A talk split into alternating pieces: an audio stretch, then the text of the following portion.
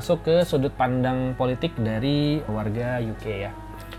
Kalau yang kita kenal itu UK itu mengenal sistem dua partai. Siapa yang tidak kenal dengan partai konservatif dan partai buruh. Nah itu dua dua dua partai itu yang memegang peran penting di sistem parlemen di UK gitu ya. Bahkan sebutannya untuk konservatif sendiri pasti tahu lah ya kalau ada di ada lagu Morrissey sebut Tories gitu ada Tory Tory nah Tory itu representasi dari orang-orang konservatif di Inggris gitu. Ya mereka yang sangat-sangat pro kerajaan lah gitu ya. Kalau kalau orang-orang itu kan berseberangan dengan orang-orang dari partai buruh atau kalau zaman dulunya sebelum ada partai buruh ada orang-orang Whig. Nah itu antara Tory dan Whig itu berseberangan, kemudian sekarang orang-orang konservatif dengan orang-orang buruh gitu. Untuk orang-orang yang terkenal sendiri ya di Tory sendiri atau konservatif itu sebut saja Sir Balfour. Itu yang mencetuskan Balfour Declaration pemisahan atau pemberian wilayah orang-orang Israel di Palestina. Itu terkenal Sir Balfour. Lalu ada Winston Churchill, lalu ada Margaret Thatcher. Nah ini yang sangat terkenal dengan disebut Iron Lady atau wanita besi. Ini banyak yang suka dan banyak juga yang nggak suka gitu.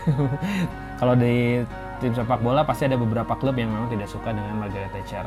Kenapa? Karena nanti kita bahas di wilayah persepak bolaannya masih politik. Kemudian ada uh, John Major ada juga Boris Johnson nih yang kemarin resign ya mas. Boris Johnson itu resign itu orang Tory juga orang konservatif. Nah, kalau di partai buruhnya sendiri yang terkenal, sangat-sangat terkenal, pasti tidak asing Tony Blair. Nah, Tony Blair itu merupakan salah satu sosok partai buruh yang menjadi Perdana Menteri pada saat tahun, tahun berapa? Tahun 90-an, tahun 2000-an lah. Yang mereka sedikit mengakui tentang kejahatan perang lah kalau salah. Nanti saya coba koreksi kalau saya salah. Lalu selain eh, sistem dua partai juga ada yang tadi saya sebutkan di mana ada pemisahan gereja. Nah, kalau untuk masalah prakteknya sendiri antara gereja Anglikan dan gereja Katolik sendiri saya nggak begitu paham gitu ya. Cuman hanya saya coba bisa gambarkan bahwa pemisahan ini memang jadi denominasi Kristen Katolik yang lumayan agak besar gitu ya di dunia karena untuk keuskupannya sendiri gereja Anglikan memang berdiri sendiri kemudian Katolik juga memang berdiri sendiri dengan jumlahnya yang begitu banyak gitu ya. itu tidak lepas dari peran dari Henry VIII tadi yang ingin bercerai dan ingin menikahi Anne Boleyn Fun fact juga, Anne Boleyn ini sebenarnya ibu dari Elizabeth I. Queen Elizabeth I itu yang pernah menguasai perairan lah ya dan memiliki musuh terbesar itu Spanyol. Kalau dulu pernah dengar uh, Spanish Armada, musuhnya ya Elizabeth I ini yang disebut the Virgin Queen atau yang warna rambutnya itu apa ya ginger gitulah, ginger ginger queen lah disebut juga gitu. Nah itu Anne Boleyn itu anak dari Henry VIII yang ingin dinikahi oleh Henry VIII dan ingin menceraikan Catherine of Aragon. Lanjut ke wilayah baratnya ya Republik Irlandia. Kalau kita belajar, belajar sejarah lagi tentang Republik Irlandia ini lumayan banyak nih timelinenya agak sedikit panjang juga nih ya. Sejarah di Republik Irlandia sendiri tahun 1536 ya Henry VIII dari Tudor ini melakukan penguasaan kembali lah ke wilayah Irlandia agar Irlandia ini bisa masuk ke wilayah Inggris. Lanjut ke 1688 itu ada sebutannya James II itu King of Ireland itu merupakan raja Katolik terakhir di Inggris atau ya sebut Last Catholic King of England. Nah, James ini punya musuh namanya William III of Orange. Mereka melakukan perseteruan dan kalah di Irlandia juga makanya kenapa disebutnya perseteruan antara Williamites dan Jacobites. Jacob itu disebutnya sebenarnya namanya James ya. James Jacob Jacobites itu merupakan nama Injilnya dari si James. James itu sama dengan Jacobus yang kayak disebut Jacobites and Williamites gitu ya. Oke, okay. untuk yang sudut pandang dari Republik Irlandia sendiri, pertama kita trace back ke tahun 1536, di mana itu Henry VIII of Tudor itu menguasai kembali Irlandia dan mencoba untuk menjadi apa ya menjadikan Irlandia sebagai bagian dari UK. Nah, loncat ke tahun 1688 di situ ada clash antara James II dengan William of Orange dari sebenarnya dia itu dari Belanda cuman menguasai beberapa bagian Inggris dan Irlandia. Nah, di sinilah asal mula sektarian yang ada di Irlandia. Kenapa? Karena pertama si James sendiri atau Jacobites ya disebutnya itu merupakan raja Katolik terakhir di Inggris dan William ini merupakan seorang Protestan. Nah, kondisinya itu William ini mengalahkan orang-orang Jacobits di Irlandia. Makanya kalau misalnya sekarang ditarik ke masa depan ya, kenapa sebutan untuk Rangers ini sebagai The Billy Boys. Nah, Billy Boys itu kenapa? Karena ya orang-orang Rangers itu merupakan orang-orang Protestan dan mendukung William sebagai orang Protestan yang menjadi King of England. Nah, orang-orang Celtic disebut orang-orang Jacobites atau orang-orang James gitu. Itulah awal mula dari War of Ireland-nya dari sektarian lah, sektariannya yang berada di Irlandia dan Irlandia Utara. Oke, tahun 1690 sampai 1800-an Protestan menguasai wilayah Ireland, tapi lebih banyak orang-orang berada ya orang-orang priai, orang-orang bangsawan, kemudian mayoritas orang-orang Katolik itu berada di kalangan bawah, termasuk atau petani, pekerja.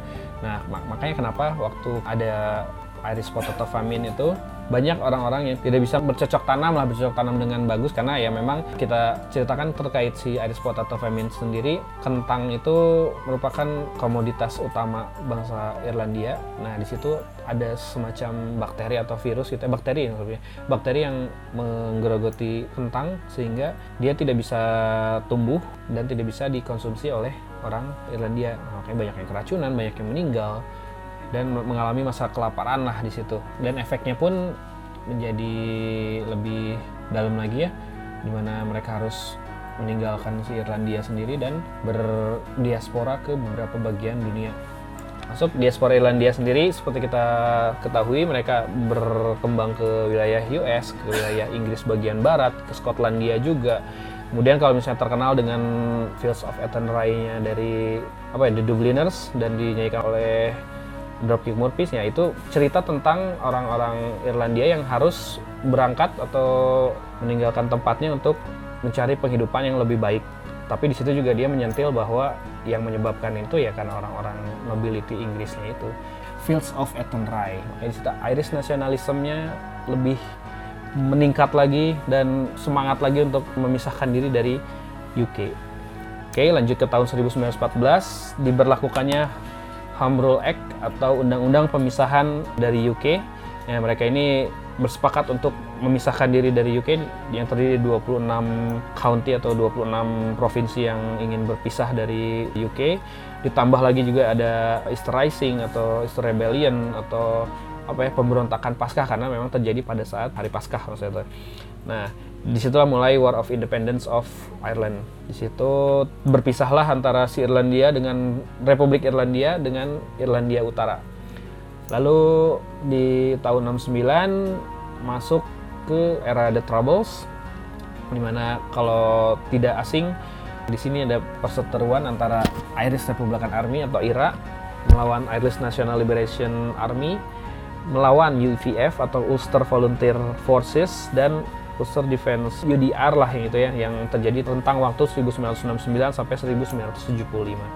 Nah, di sini kita coba bahas sektarian di perbatasan Irlandia Utara sendiri ya. Kalau ingat wilayah Derry atau London Derry itu yang ada di wilayah Ulsternya Irlandia Utara itu sektarian paling banyak terjadi lah di Derry itu karena secara administrasi mereka masuk ke wilayah Irlandia Utara, tapi mayoritas mayoritas penduduknya itu merupakan pendukung dari Republik Irlandia. Nah, kalau ingat James McLean, kemudian ada mural-mural yang berbau kemerdekaan lah ya, itu ada di wilayah Derry. Itu nanti bisa dicek, ada gambar-gambar. Itu beberapa rebellion-rebellion mereka menitipkan gambarnya di salah satu tempat namanya itu ada kayak kayak rumah gitu dia bikin mural lah namanya ada mau free dairy, free Palestine atau free apa semua bisa mengungkapkannya di tempat tersebut itu ada di Derry kalau cerita tentang James McLean lebih ke dia orang Derry yang harusnya secara administrasi merupakan orang Irlandia Utara tapi dia membela Republik Irlandia karena apa? karena dia merasa banyak saudara-saudaranya yang dibantai oleh Ulster atau tentara Inggris. Jadi dia lebih pride ke Republik Irlandia. Gitu. Lanjut tahun 69 sampai 98 itu Northern Ireland Riots itu dimulainya The Troubles tadi yang saya coba sampaikan. Dan yang paling terkenal itu di tahun 72. ini kita bisa sampaikan namanya itu The Bogside Massacre atau lebih kenal sebagai Bloody Sunday. Itu di mana mereka melakukan marching atau demo lah ya, demo di kota Derry. Itu menyebabkan 26 orang meninggal tuh oleh British Army atau tentara tentara Inggris. Nah, kejadian ini pun dibuatkan beberapa memorabilia atau dijadikan beberapa bisa lagu ataupun puisi atau mungkin film. Saya catat beberapa artisan atau seniman yang mengabadikan Bloody Sunday ini ya. Pertama ada Paul McCartney. Dia sempat memberikan pendapat bahwa give Ireland back to Irish. Nah, itu dari dari Paul McCartney. Kemudian John Lennon sendiri punya lagu itu Sunday Bloody Sunday. Kemudian Black Sabbath juga ada Sabbath Bloody Sabbath. Kemudian U2 yang memang orang Irlandia itu mereka membuat lagu Sunday Bloody Sunday. Nah, selain itu juga memang kejahatan bukan hanya tentara-tentara Inggris. Ternyata di tahun 72 itu juga uh, terjadi Bloody Friday. Nah, Bloody Friday ini banyak yang dibilang ini merupakan sebuah aksi balas dendam terhadap Bloody Sunday yang dilakukan orang-orang Inggris atau tentara-tentara Inggris. Di sini terjadi pengeboman di kota Belfast. Belfast itu di Irlandia Utara. Itu 22 bom mobil meledak secara bergantian di beberapa tempat dan menyebabkan meninggal banyaknya sih sipil sebanyak 9 orang nah mungkin itu sektarian yang berbasis kekerasan yang bisa sampai sekarang kayaknya ya sangat merugikan ya apalagi ini ter terkait masalah keagamaan di Irlandia dan Irlandia Utara Oke, selanjutnya kita bakal bahas bendera-bendera yang ada di UK dan Ireland ya. Kita coba bahas pertama itu yang paling umum kita sebut sebagai Union Jack. Union Jack itu ya persatuan dari beberapa bendera yang ada di wilayah-wilayah di Inggris. Itu merupakan gabungan antara bendera St. George yang warna merah dan putih, kemudian gabungan antara St. Andrew uh, atau benderanya Skotlandia, di mana itu ada diagonal X itu backgroundnya itu berwarna biru, kemudian ada St. Patrick St. Patrick ini bukan disebut sebagai bendera sebenarnya disebut sebagai saltir atau umbul-umbul ya karena Irlandia sendiri memang berbeda benderanya karena St. Patrick pun dianggap sebagai santo dari Irlandia nah, mungkin hanya dipaksakan saja menjadi St. Patrick Saltir itu merupakan silang diagonal berwarna merah sama seperti halnya si St. George dan hanya saja dibuat proporsinya kecil jadi kalau misalnya dilihat Union Jack-nya sendiri itu ada merah, putih, biru, dan silang merah. Nah itu disebut Union Jack. Nah kalau untuk St. George Cross-nya sendiri yang mewakili Inggris, memang ini banyak yang menyebut sebagai representasi atau simbol dari Santa George yang kemarin kita pernah bahas juga di wilayah Catalonia di mana ada background putih dengan lambang salib berwarna merah. Mungkin itu sudah banyak dibahas lah masalah St. George ya, St. George Cross karena ada hal unik lagi nih kalau misalnya saya St. George Cross yang disebut sebagai St. George Cross di dalam jersey tim nasional Inggris gitu ya.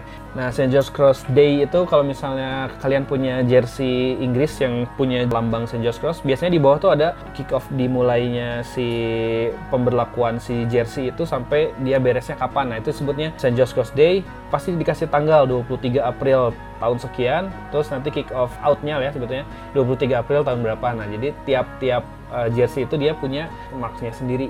Nah, itu uniknya sih jersey Inggris. Lanjut ke Saint Andrew ini dari Santo ya dari culture-nya Katolik ya. Itu backgroundnya biru, silangnya berwarna putih, itu dipakai di beberapa simbol kenegaraan di Skotlandia dan di beberapa coat of arms-nya di Scotland. Itu kenapa disebut X? Ya karena dulu Saint Andrew martir mereka disalib dengan cara disalib secara silang lah gitu. Kemudian lanjut ke Saint Patrick. Nah ini saya belum dapat si intinya ya karena apakah ini merupakan pemaksaan gitu ya? Karena Saint Patrick sendiri yang mewakili Irlandia sendiri sebenarnya tidak punya bendera. Hanya saja diakui oleh beberapa orang di Inggris itu merupakan lambang dari Saint Patrick gitu. Karena Saint Patrick sendiri saya coba jelaskan dia mempunyai lambang itu ya shamrock gitu shamrock yang tiga yang di mana itu melambangkan dari trinitas itu dari si tiga itu. Lanjut ke yang jarang dibahas dan jarang diungkap di media itu ya Saint David atau benderanya dari Wales. Karena Wales yang kita tahu sendiri itu bendera di mana ada hijau putih kemudian di tengahnya itu ada lambang naga. Nah, lambang naganya ini juga kan belum jelas nih asal usulnya apakah naga yang waktu itu dilawan oleh Saint George atau apa karena yang saya baca terkait naga ini sudah ada dari zaman Tudor zaman dulu gitu. Apakah mistis atau legenda? Nah, itu kita, kita uh, kurang paham. Hanya saja Naga ini disebutkan dalam beberapa literatur di Wales itu sebagai pelindungnya dari orang-orang Wales, makanya tetap disimpan sebagai lambang negara dari Wales. Nah, untuk si Saint David ini, bendera itu berwarna backgroundnya hitam, kemudian salibnya seperti Saint George Cross berwarna kuning, itu jarang dipakai dan melakukan dari Santo David yang merupakan santo pelindung dari Wales. Hal yang uniknya lagi untuk si bendera Saint David ini, ini pernah dijadikan lambang atau logo dari Cardiff City di mana lambang Saint David backgroundnya dan di depannya ada swallow atau burungnya khas dari si Cardiff City. Lalu masuk ke Wales tadi kita sudah sebutkan lagi yang tadi eh, di mana ada hijau dan biru di tengahnya ada lambang naga itu ya antara lain naga yang dari zaman-zaman Tudor, kemudian disebut juga Draco Roman atau Dragon of Roman karena ya memang Wales juga pernah sempat diduduki oleh orang-orang Romawi itu. Lanjut ke bendera Irlandia ini lumayan sedikit unik juga di mana ada hijau, putih dan orange. Kenapa? Karena hijau ini mewakili orang-orang Katolik. Putih ini melambangkan perdamaian dan orange ini mewakili orang-orang Protestan. Dan jadi sebenarnya makna simbolik dari bendera Irlandia ini untuk persatuan antara Katolik dan Protestan. Gitu. Oke, lanjut ke bendera Northern Ireland ini lebih lebih lebih terkenalnya itu seperti Saint George Cross tapi di tengahnya itu ada Ulster Hand atau tangan merah lah ya tangan merah itu tuh sebenarnya lambang dari county-nya dari county Ulster di Irlandia Utara. Oke, di selain itu ada beberapa bendera yang ada yang ada di wilayah UK tapi untuk si penggunanya sendiri ini memang bukan sebagai lambang dari suatu negara karena ini dipakai untuk beberapa wilayah saja. Kita sebut saja tadi seperti Isle of Man di mana orang-orang Manix tadi itu terkenal dengan cap kaki tiganya. Nah, bendera itu disebut unik karena memiliki kesamaan dengan Kerajaan Sisilia. Nah, itu hampir mirip tiga Triskelion itu. Kemudian ada Guernsey. Guernsey itu sebuah pulau di, di dekat Prancis dan Inggris, ada di tengah pertengahan. Itu ada Saint George Cross, hampir sama, hanya saja ada penambahan uh, Norman Gold Cross atau salib emas dari Normandy. Itu hampir sama kayak Celtic Cross, hanya saja berwarna kuning. Nah itu bendera dari si Guernsey. Lanjut ada bendera Jersey atau Pulau Jersey, itu sama Saint Patrick Cross disebutnya hanya saja ada Three Lions, ya lambang-lambang seperti Inggris gitu ya di tengahnya. Nah, satu lagi uh, wilayah Cornwall itu disebut Saint Pirang Cross atau salibnya Saint Pirang itu backgroundnya itu hitam dan berwarna putih untuk si salibnya. Itu beberapa bendera yang berada di wilayah UK dan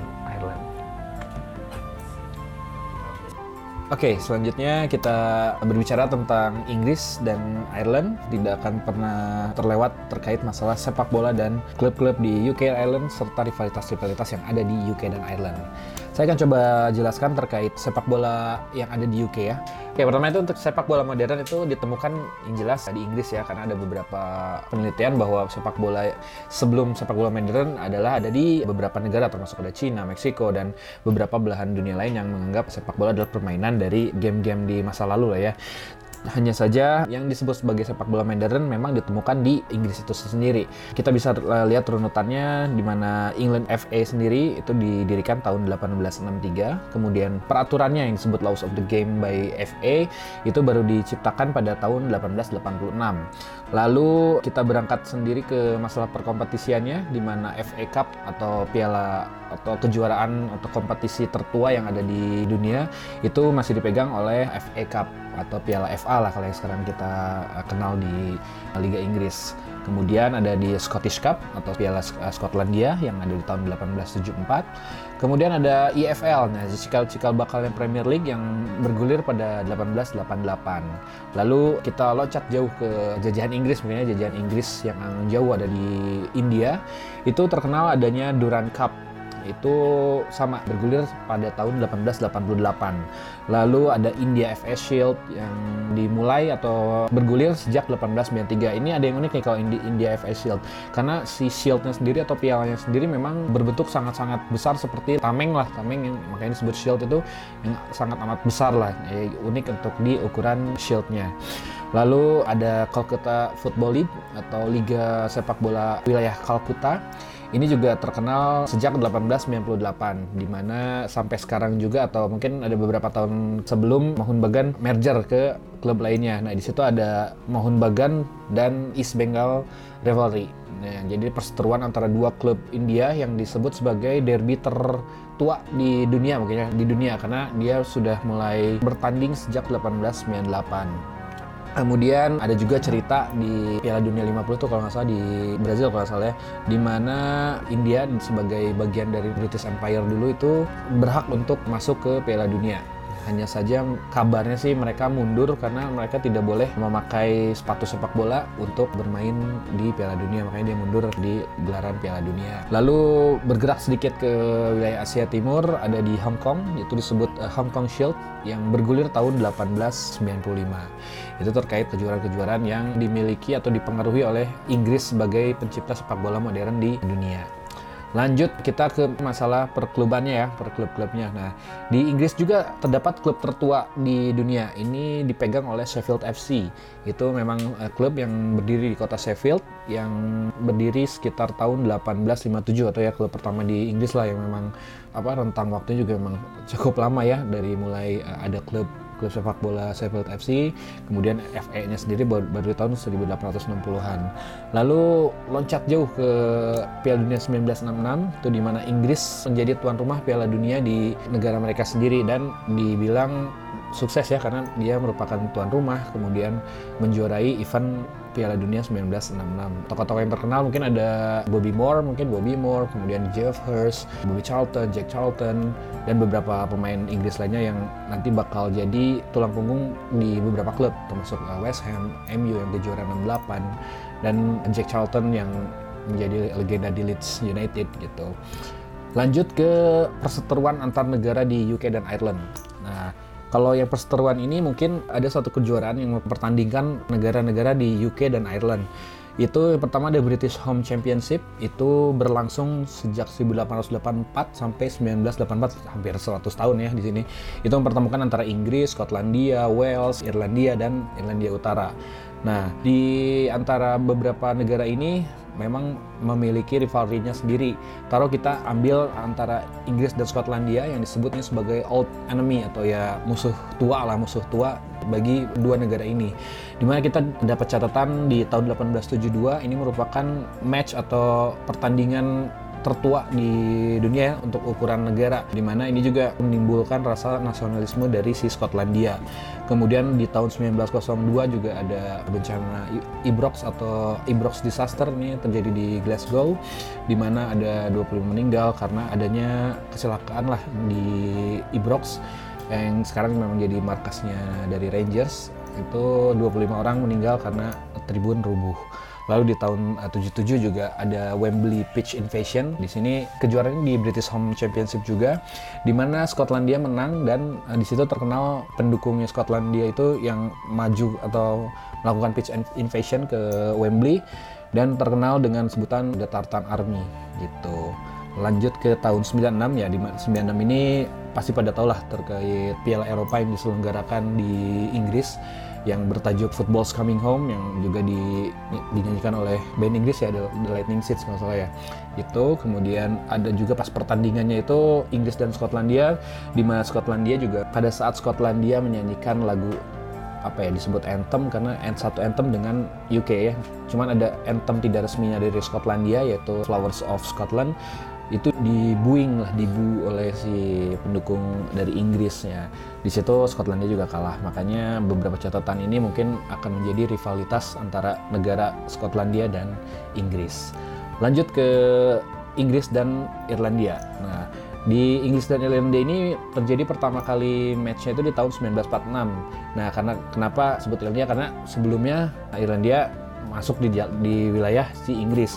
Makanya tercatat di sini 1946 itu dengan Republik Irlandia di mana di sini jelas sekali sektarian antara pendukung Katolik dan uh, Protestan ini uh, sangat kental ya di sini bumbu-bumbunya.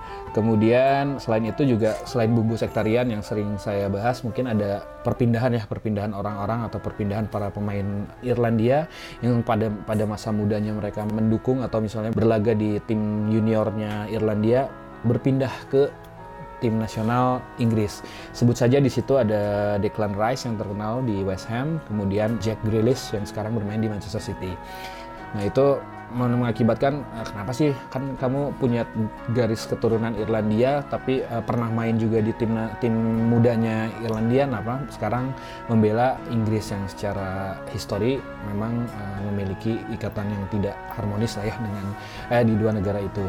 Kemudian ada juga cerita unik terkait Jack Charlton. Jack Charlton ini kakaknya dari Bobby Charlton ya. Dia juga merupakan legenda dari si Leeds United, kemudian pernah memimpin atau menjadi manajer uh, Republik Irlandia pada Piala Dunia 94 lah. Jadi udah dianggap sebagai orang Irlandia, tapi dia adalah orang Inggris sebenarnya. Cuman di Irlandia dia menjadi sosok yang sangat berpengaruh lah atas sepak bola di Irlandia. Itu. Lalu perseteruan antara Irlandia dan Irlandia Utara. Ini jelas kalau bicara sebelumnya kita pernah bahas terkait sektarian yang ada di Irlandia Utara dan Irlandia, ini sangat erat kaitannya permusuhan ini dimulai dengan perselisihan sektarian atau agama lah ada ini tercatat di tahun 1882 sampai 1950 sebenarnya Irlandia ini tergabung menjadi satu timnas ya. Satu timnas yang disebut Ireland National Football Team. Nah semenjak 1920 diberlakukannya Irish Home Rule atau pemisahan lah ya antara negara Irlandia Utara dan negara Republik Irlandia. Nah maka diberlakukan masing-masing tim nasionalnya sendiri. Di mana tahun 1921 itu FAI atau Football Association of Irlandia itu mewakili dari Republik Irlandia Kemudian di tahun 1994 baru berdiri Ireland FA atau Ireland Football Association ya tinggal dibalik sih. Yang satu FAI, satu IFA. Nah, kalau IFA itu untuk yang Northern Ireland. Mereka tidak menyebutkan uh, North, tapi ya tetap Ireland Ireland juga gitu. Karena dari segi jersey mereka sama-sama hijau. Kemudian dari segi lambang mereka ada lambang Shamrock, kemudian ada Irish Heart, ada juga Celtic Cross. Terus first match pertamanya terselenggara di tahun 1978. Itu antar negaranya ya. Sekarang saya mau coba berangkat ke perselisihan para antar klub. Nah, kita berangkat ke Inggris dulu. Kalau sebelumnya kita coba bahas terkait historical wilayah ya, di mana ada tujuh kerajaan lama itu ya, antara Wessex, Sussex, Essex, kemudian Mercia, Northumbria, kemudian di Kent. Nah, di sini saya coba bahas beberapa wilayah yang dulunya memang terkenal di tujuh kingdom itu. Pertama ada East Anglia Derby, di mana ini mempertemukan uh, antara Ipswich Town dengan Norwich City. Nah, Norwich City dan Ipswich Town ini masing-masing juga punya sebutan firm atau hooligannya sendiri ya, di mana Ipswich itu punya Ipswich Punishment Squad, kemudian di Norwich ada Norwich Hit Squad. Nah, dua dua hooligan atau firm ini memang sering clash lah demi membela East Derby. Lalu ada di Essex Derby, kita ada Colchester dan Southend uh, United. Kemudian ada Worthing FC dan Lewis, itu mewakili Sussex Derby. Lalu Liverpool dan MU ini mewakili Northwest Derby. Di sini juga ada beberapa firm yang paling terkenal firm untuk Liverpool itu ada The Urchins ya. Lalu untuk uh, MU sendiri ada Red Army. Lanjut ke MU melawan Leeds ini pasti sudah tahu Wars of uh, Roses di mana ada ya perebutan lah kemarin yang Yorkshire dan Lancashire. Nah untuk si di wilayah uh, London kita ke selatan itu ada Derby London Utara di mana Derby London Utara ini pasti sudah tahu ada Arsenal sama Tottenham. Ini firms yang berselisih antara The Herd yang dimiliki oleh Arsenal dan Yates Army milik uh, Tottenham. Lalu dipindah ke timur London, itu ada Leyton Orient dan West Ham. Balik ke selatan, kita punya Charlton, Charlton Athletic melawan Millwall, kemudian Crystal Palace, uh, Wimbledon itu bagian dari uh, South London. Jadi siapa yang bertemu antara Charlton, Millwall, Crystal Palace, Wimbledon itu pasti sebutnya sebagai South London Derby. Jadi nggak ada yang spesifik. Hanya saja dia mereka mewakili dari wilayah selatan. Untuk firm yang terlibat di derby-derby ini yang pertama ada Cockney Firestarter itu punyanya Charlton, kemudian ada Millwall Bushwaker itu jelas punyanya Millwall. Lalu ada Homesdale Fanatic itu punyanya Crystal Palace yang sering ada di tribun utara, tribun utara di markasnya Crystal Palace. Lanjut ke London Barat. London Barat ini pasti terkenal dengan Chelsea, kemudian ada Fulham, ada QPR dan Brentford. Nah, untuk si firmnya sendiri yang sering class itu ada Headhunter, kemudian Bus Babies dari Queen's Park Ranger, kemudian ada Ealing Road dari Brentford. Lalu lanjut ke selatan ini selatan agak ke timur mungkin ya untuk yang paling terkenal ya mungkin untuk beberapa orang yang sering mengikuti culture casual ini Clash antara West Ham United dengan Millwall yang sering disebut sebagai Dockers Derby. Kenapa disebut Dockers Derby? Karena memang mereka basicnya adalah dari para pekerja di wilayah pelabuhan, makanya disebut Docks gitu, Dockers Derby. Jadi ya kalau West Ham sendiri memang ya, kerja di pelabuhan untuk bagian smith ya atau tukang besi lah gitu, makanya disebut The Iron. Kalau Millwall sendiri ada di bagian sebelah itu selatan katanya. Nah, ini basicnya adalah clash antar para pekerja di pelabuhan. Nah untuk si ini sudah jelas ya kalau West Ham pasti punya ACF atau Intercity Firm melawan Bushwalker.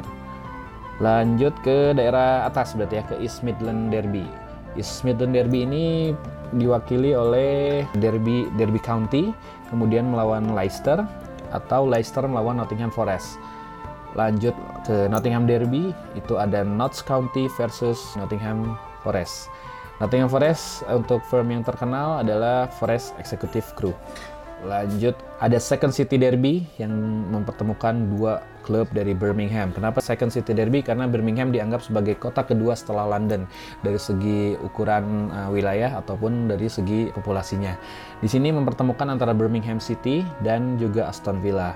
Yang seling uh, kalau kalau misalnya membaca antara derby Second City Derby ini, yang jelas Birmingham diwakili oleh The Zulu Warrior Kemudian untuk Aston Villa oleh Villa Youth atau Villa Hardcore.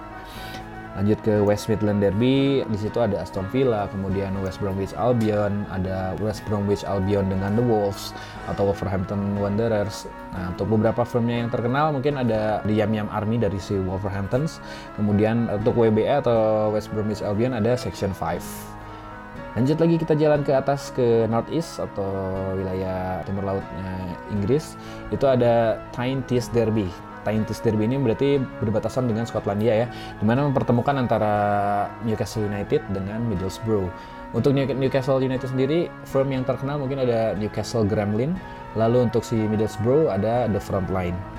Lanjut ke selatan sendiri, sedikit ada Tyne-Wear Derby itu mempertemukan antara Newcastle United dengan Sunderland. Nah, ini yang disebut Tyne-Wear Derby ini lebih populer lah ya daripada si Tyne-Tees Derby karena mereka sering berada di Premier League lah. Nah, untuk si Sunderland ini diwakili oleh Seaburn Casuals. Ke arah barat ke Northwest Derby, di sini ada West Lancashire Derby yang diwakili oleh Blackpool dan Preston North End. Itu ada The Makers melawan Preston Para Squad. Ke East Lancashire Derby. Di sini ada Burnley dan Blackburn.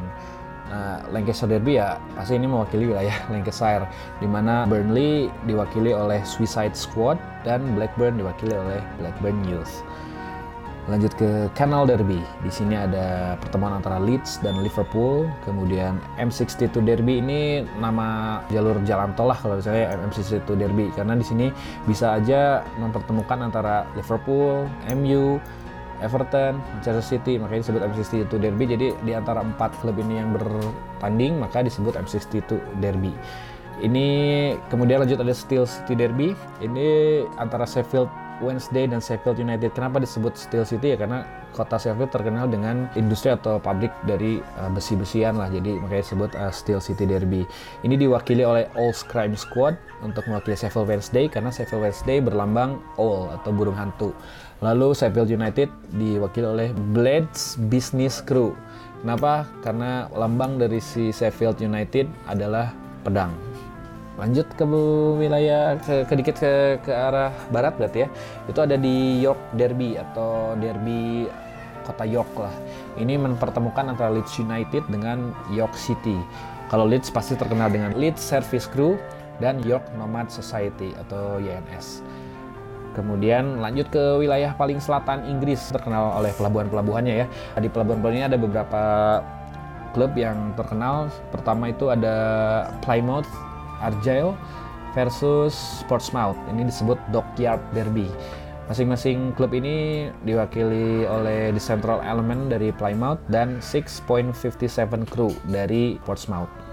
Kemudian lanjut ke Bristol Derby, itu mempertemukan Bristol City dan Bristol Rovers, diwakili oleh City Service Firm dan Gas Hit Squad. Lanjut ke South Coast Derby yang betul-betul ada di wilayah selatan Pulau Inggris. Ini ada Southampton dan Portsmouth. Ini lumayan bergengsi karena mewakili pelabuhan di selatan Inggris. Ini mempertemukan antara The Uglies yang mewakili Southampton dan 6.57 Crew.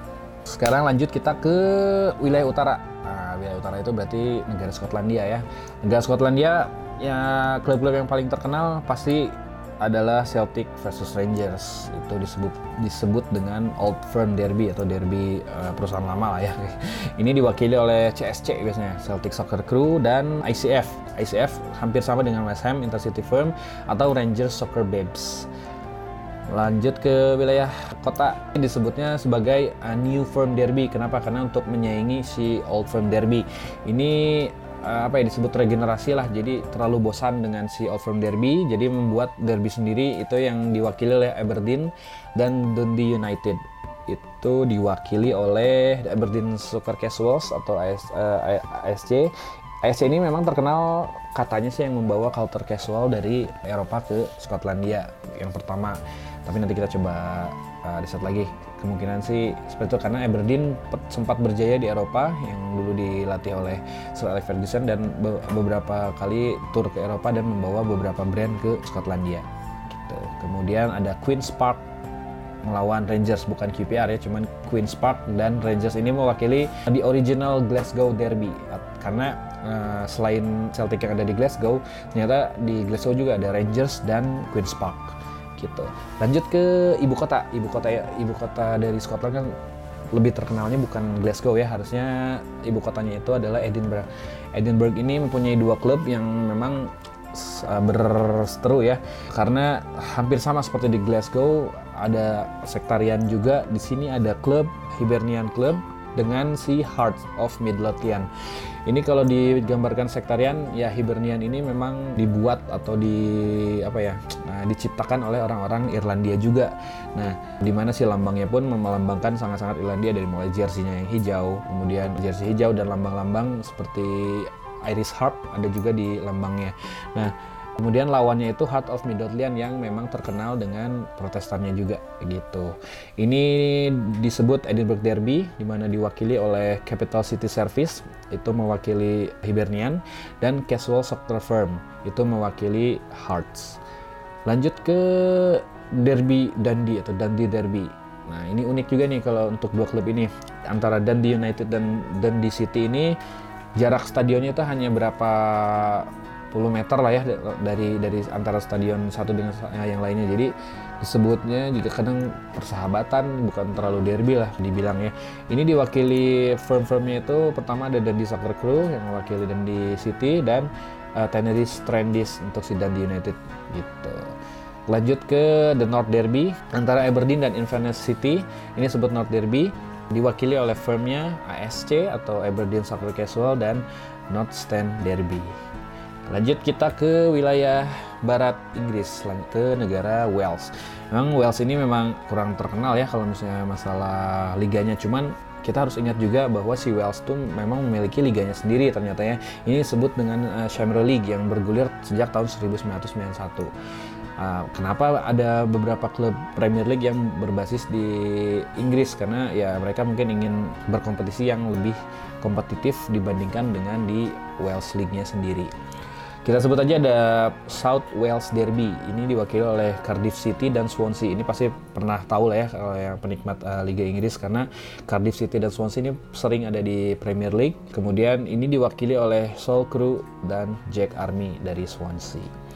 Lanjut ke Liga si Walesnya sendiri. Di sini ada Newport County, kemudian ada Wrexham AFC. Ini klub-klub tertua di Wales lah ini ya.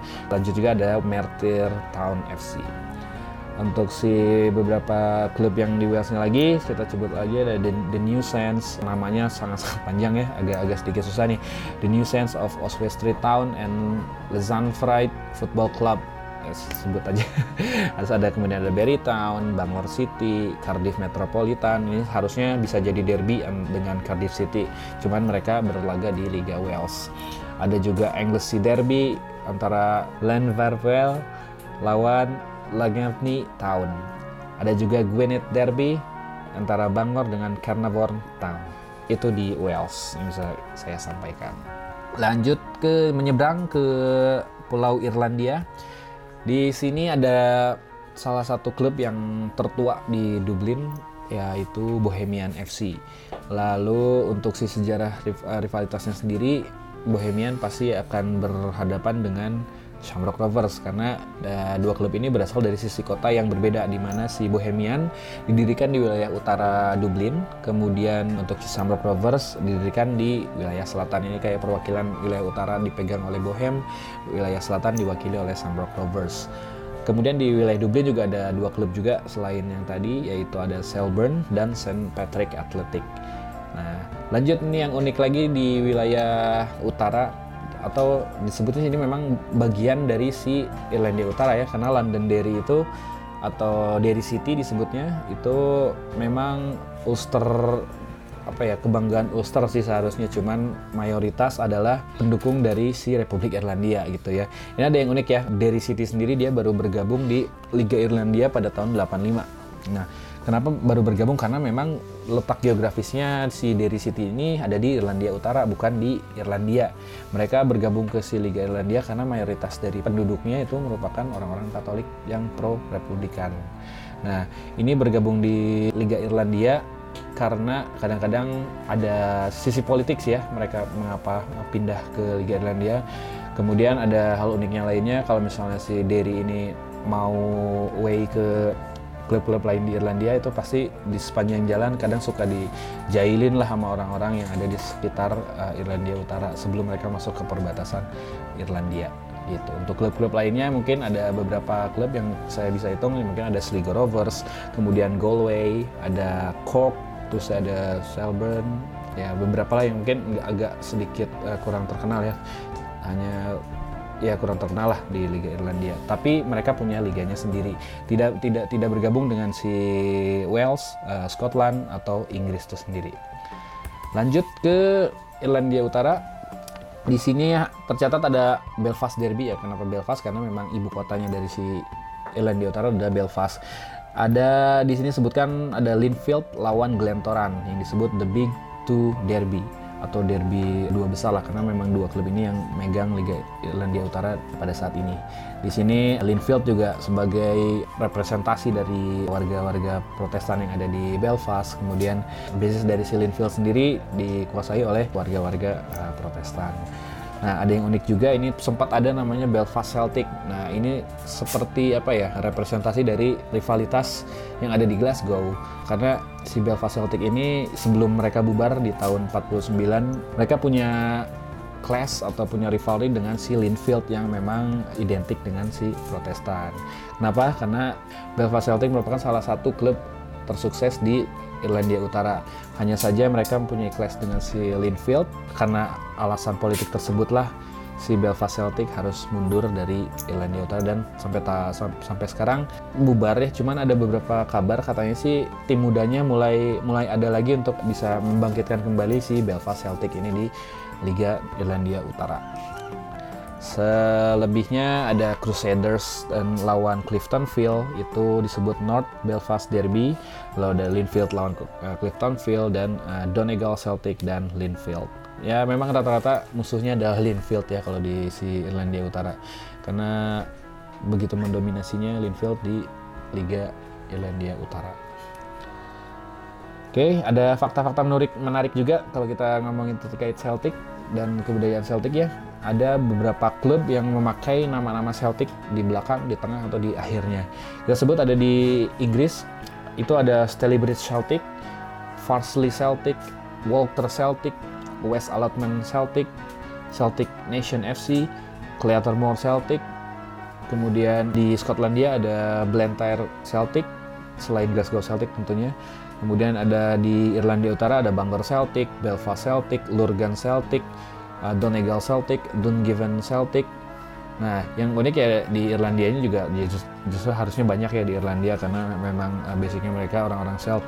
Itu ada Castlebar Celtic, Cork Celtic, Derry, Derry, Derry Celtic, Leicester Celtic, Tuam Celtic, Wayside Celtic. Kemudian pindah ke Wales ada Queanbeyan Celtic.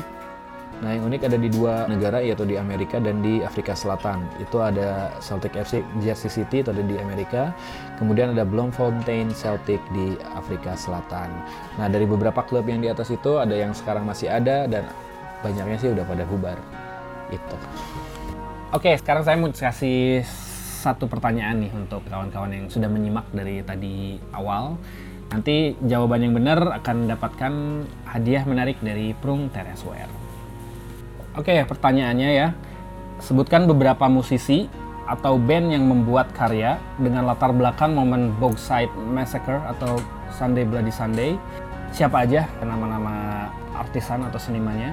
Jawab di kolom komentar ya. Nanti siapa yang beruntung dapat persembahan menarik dari Prung Tereswear.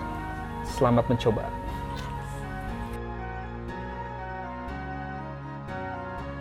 Oke, kalau yang paling terkenal itu strategi Inggris pasti pada kenal uh, istilah kick and rush, di mana itu dipopulerkan di Piala Eropa 96 ya dengan strategi ya kita bisa mendapat bola, tendang dan langsung mengejar bolanya ya.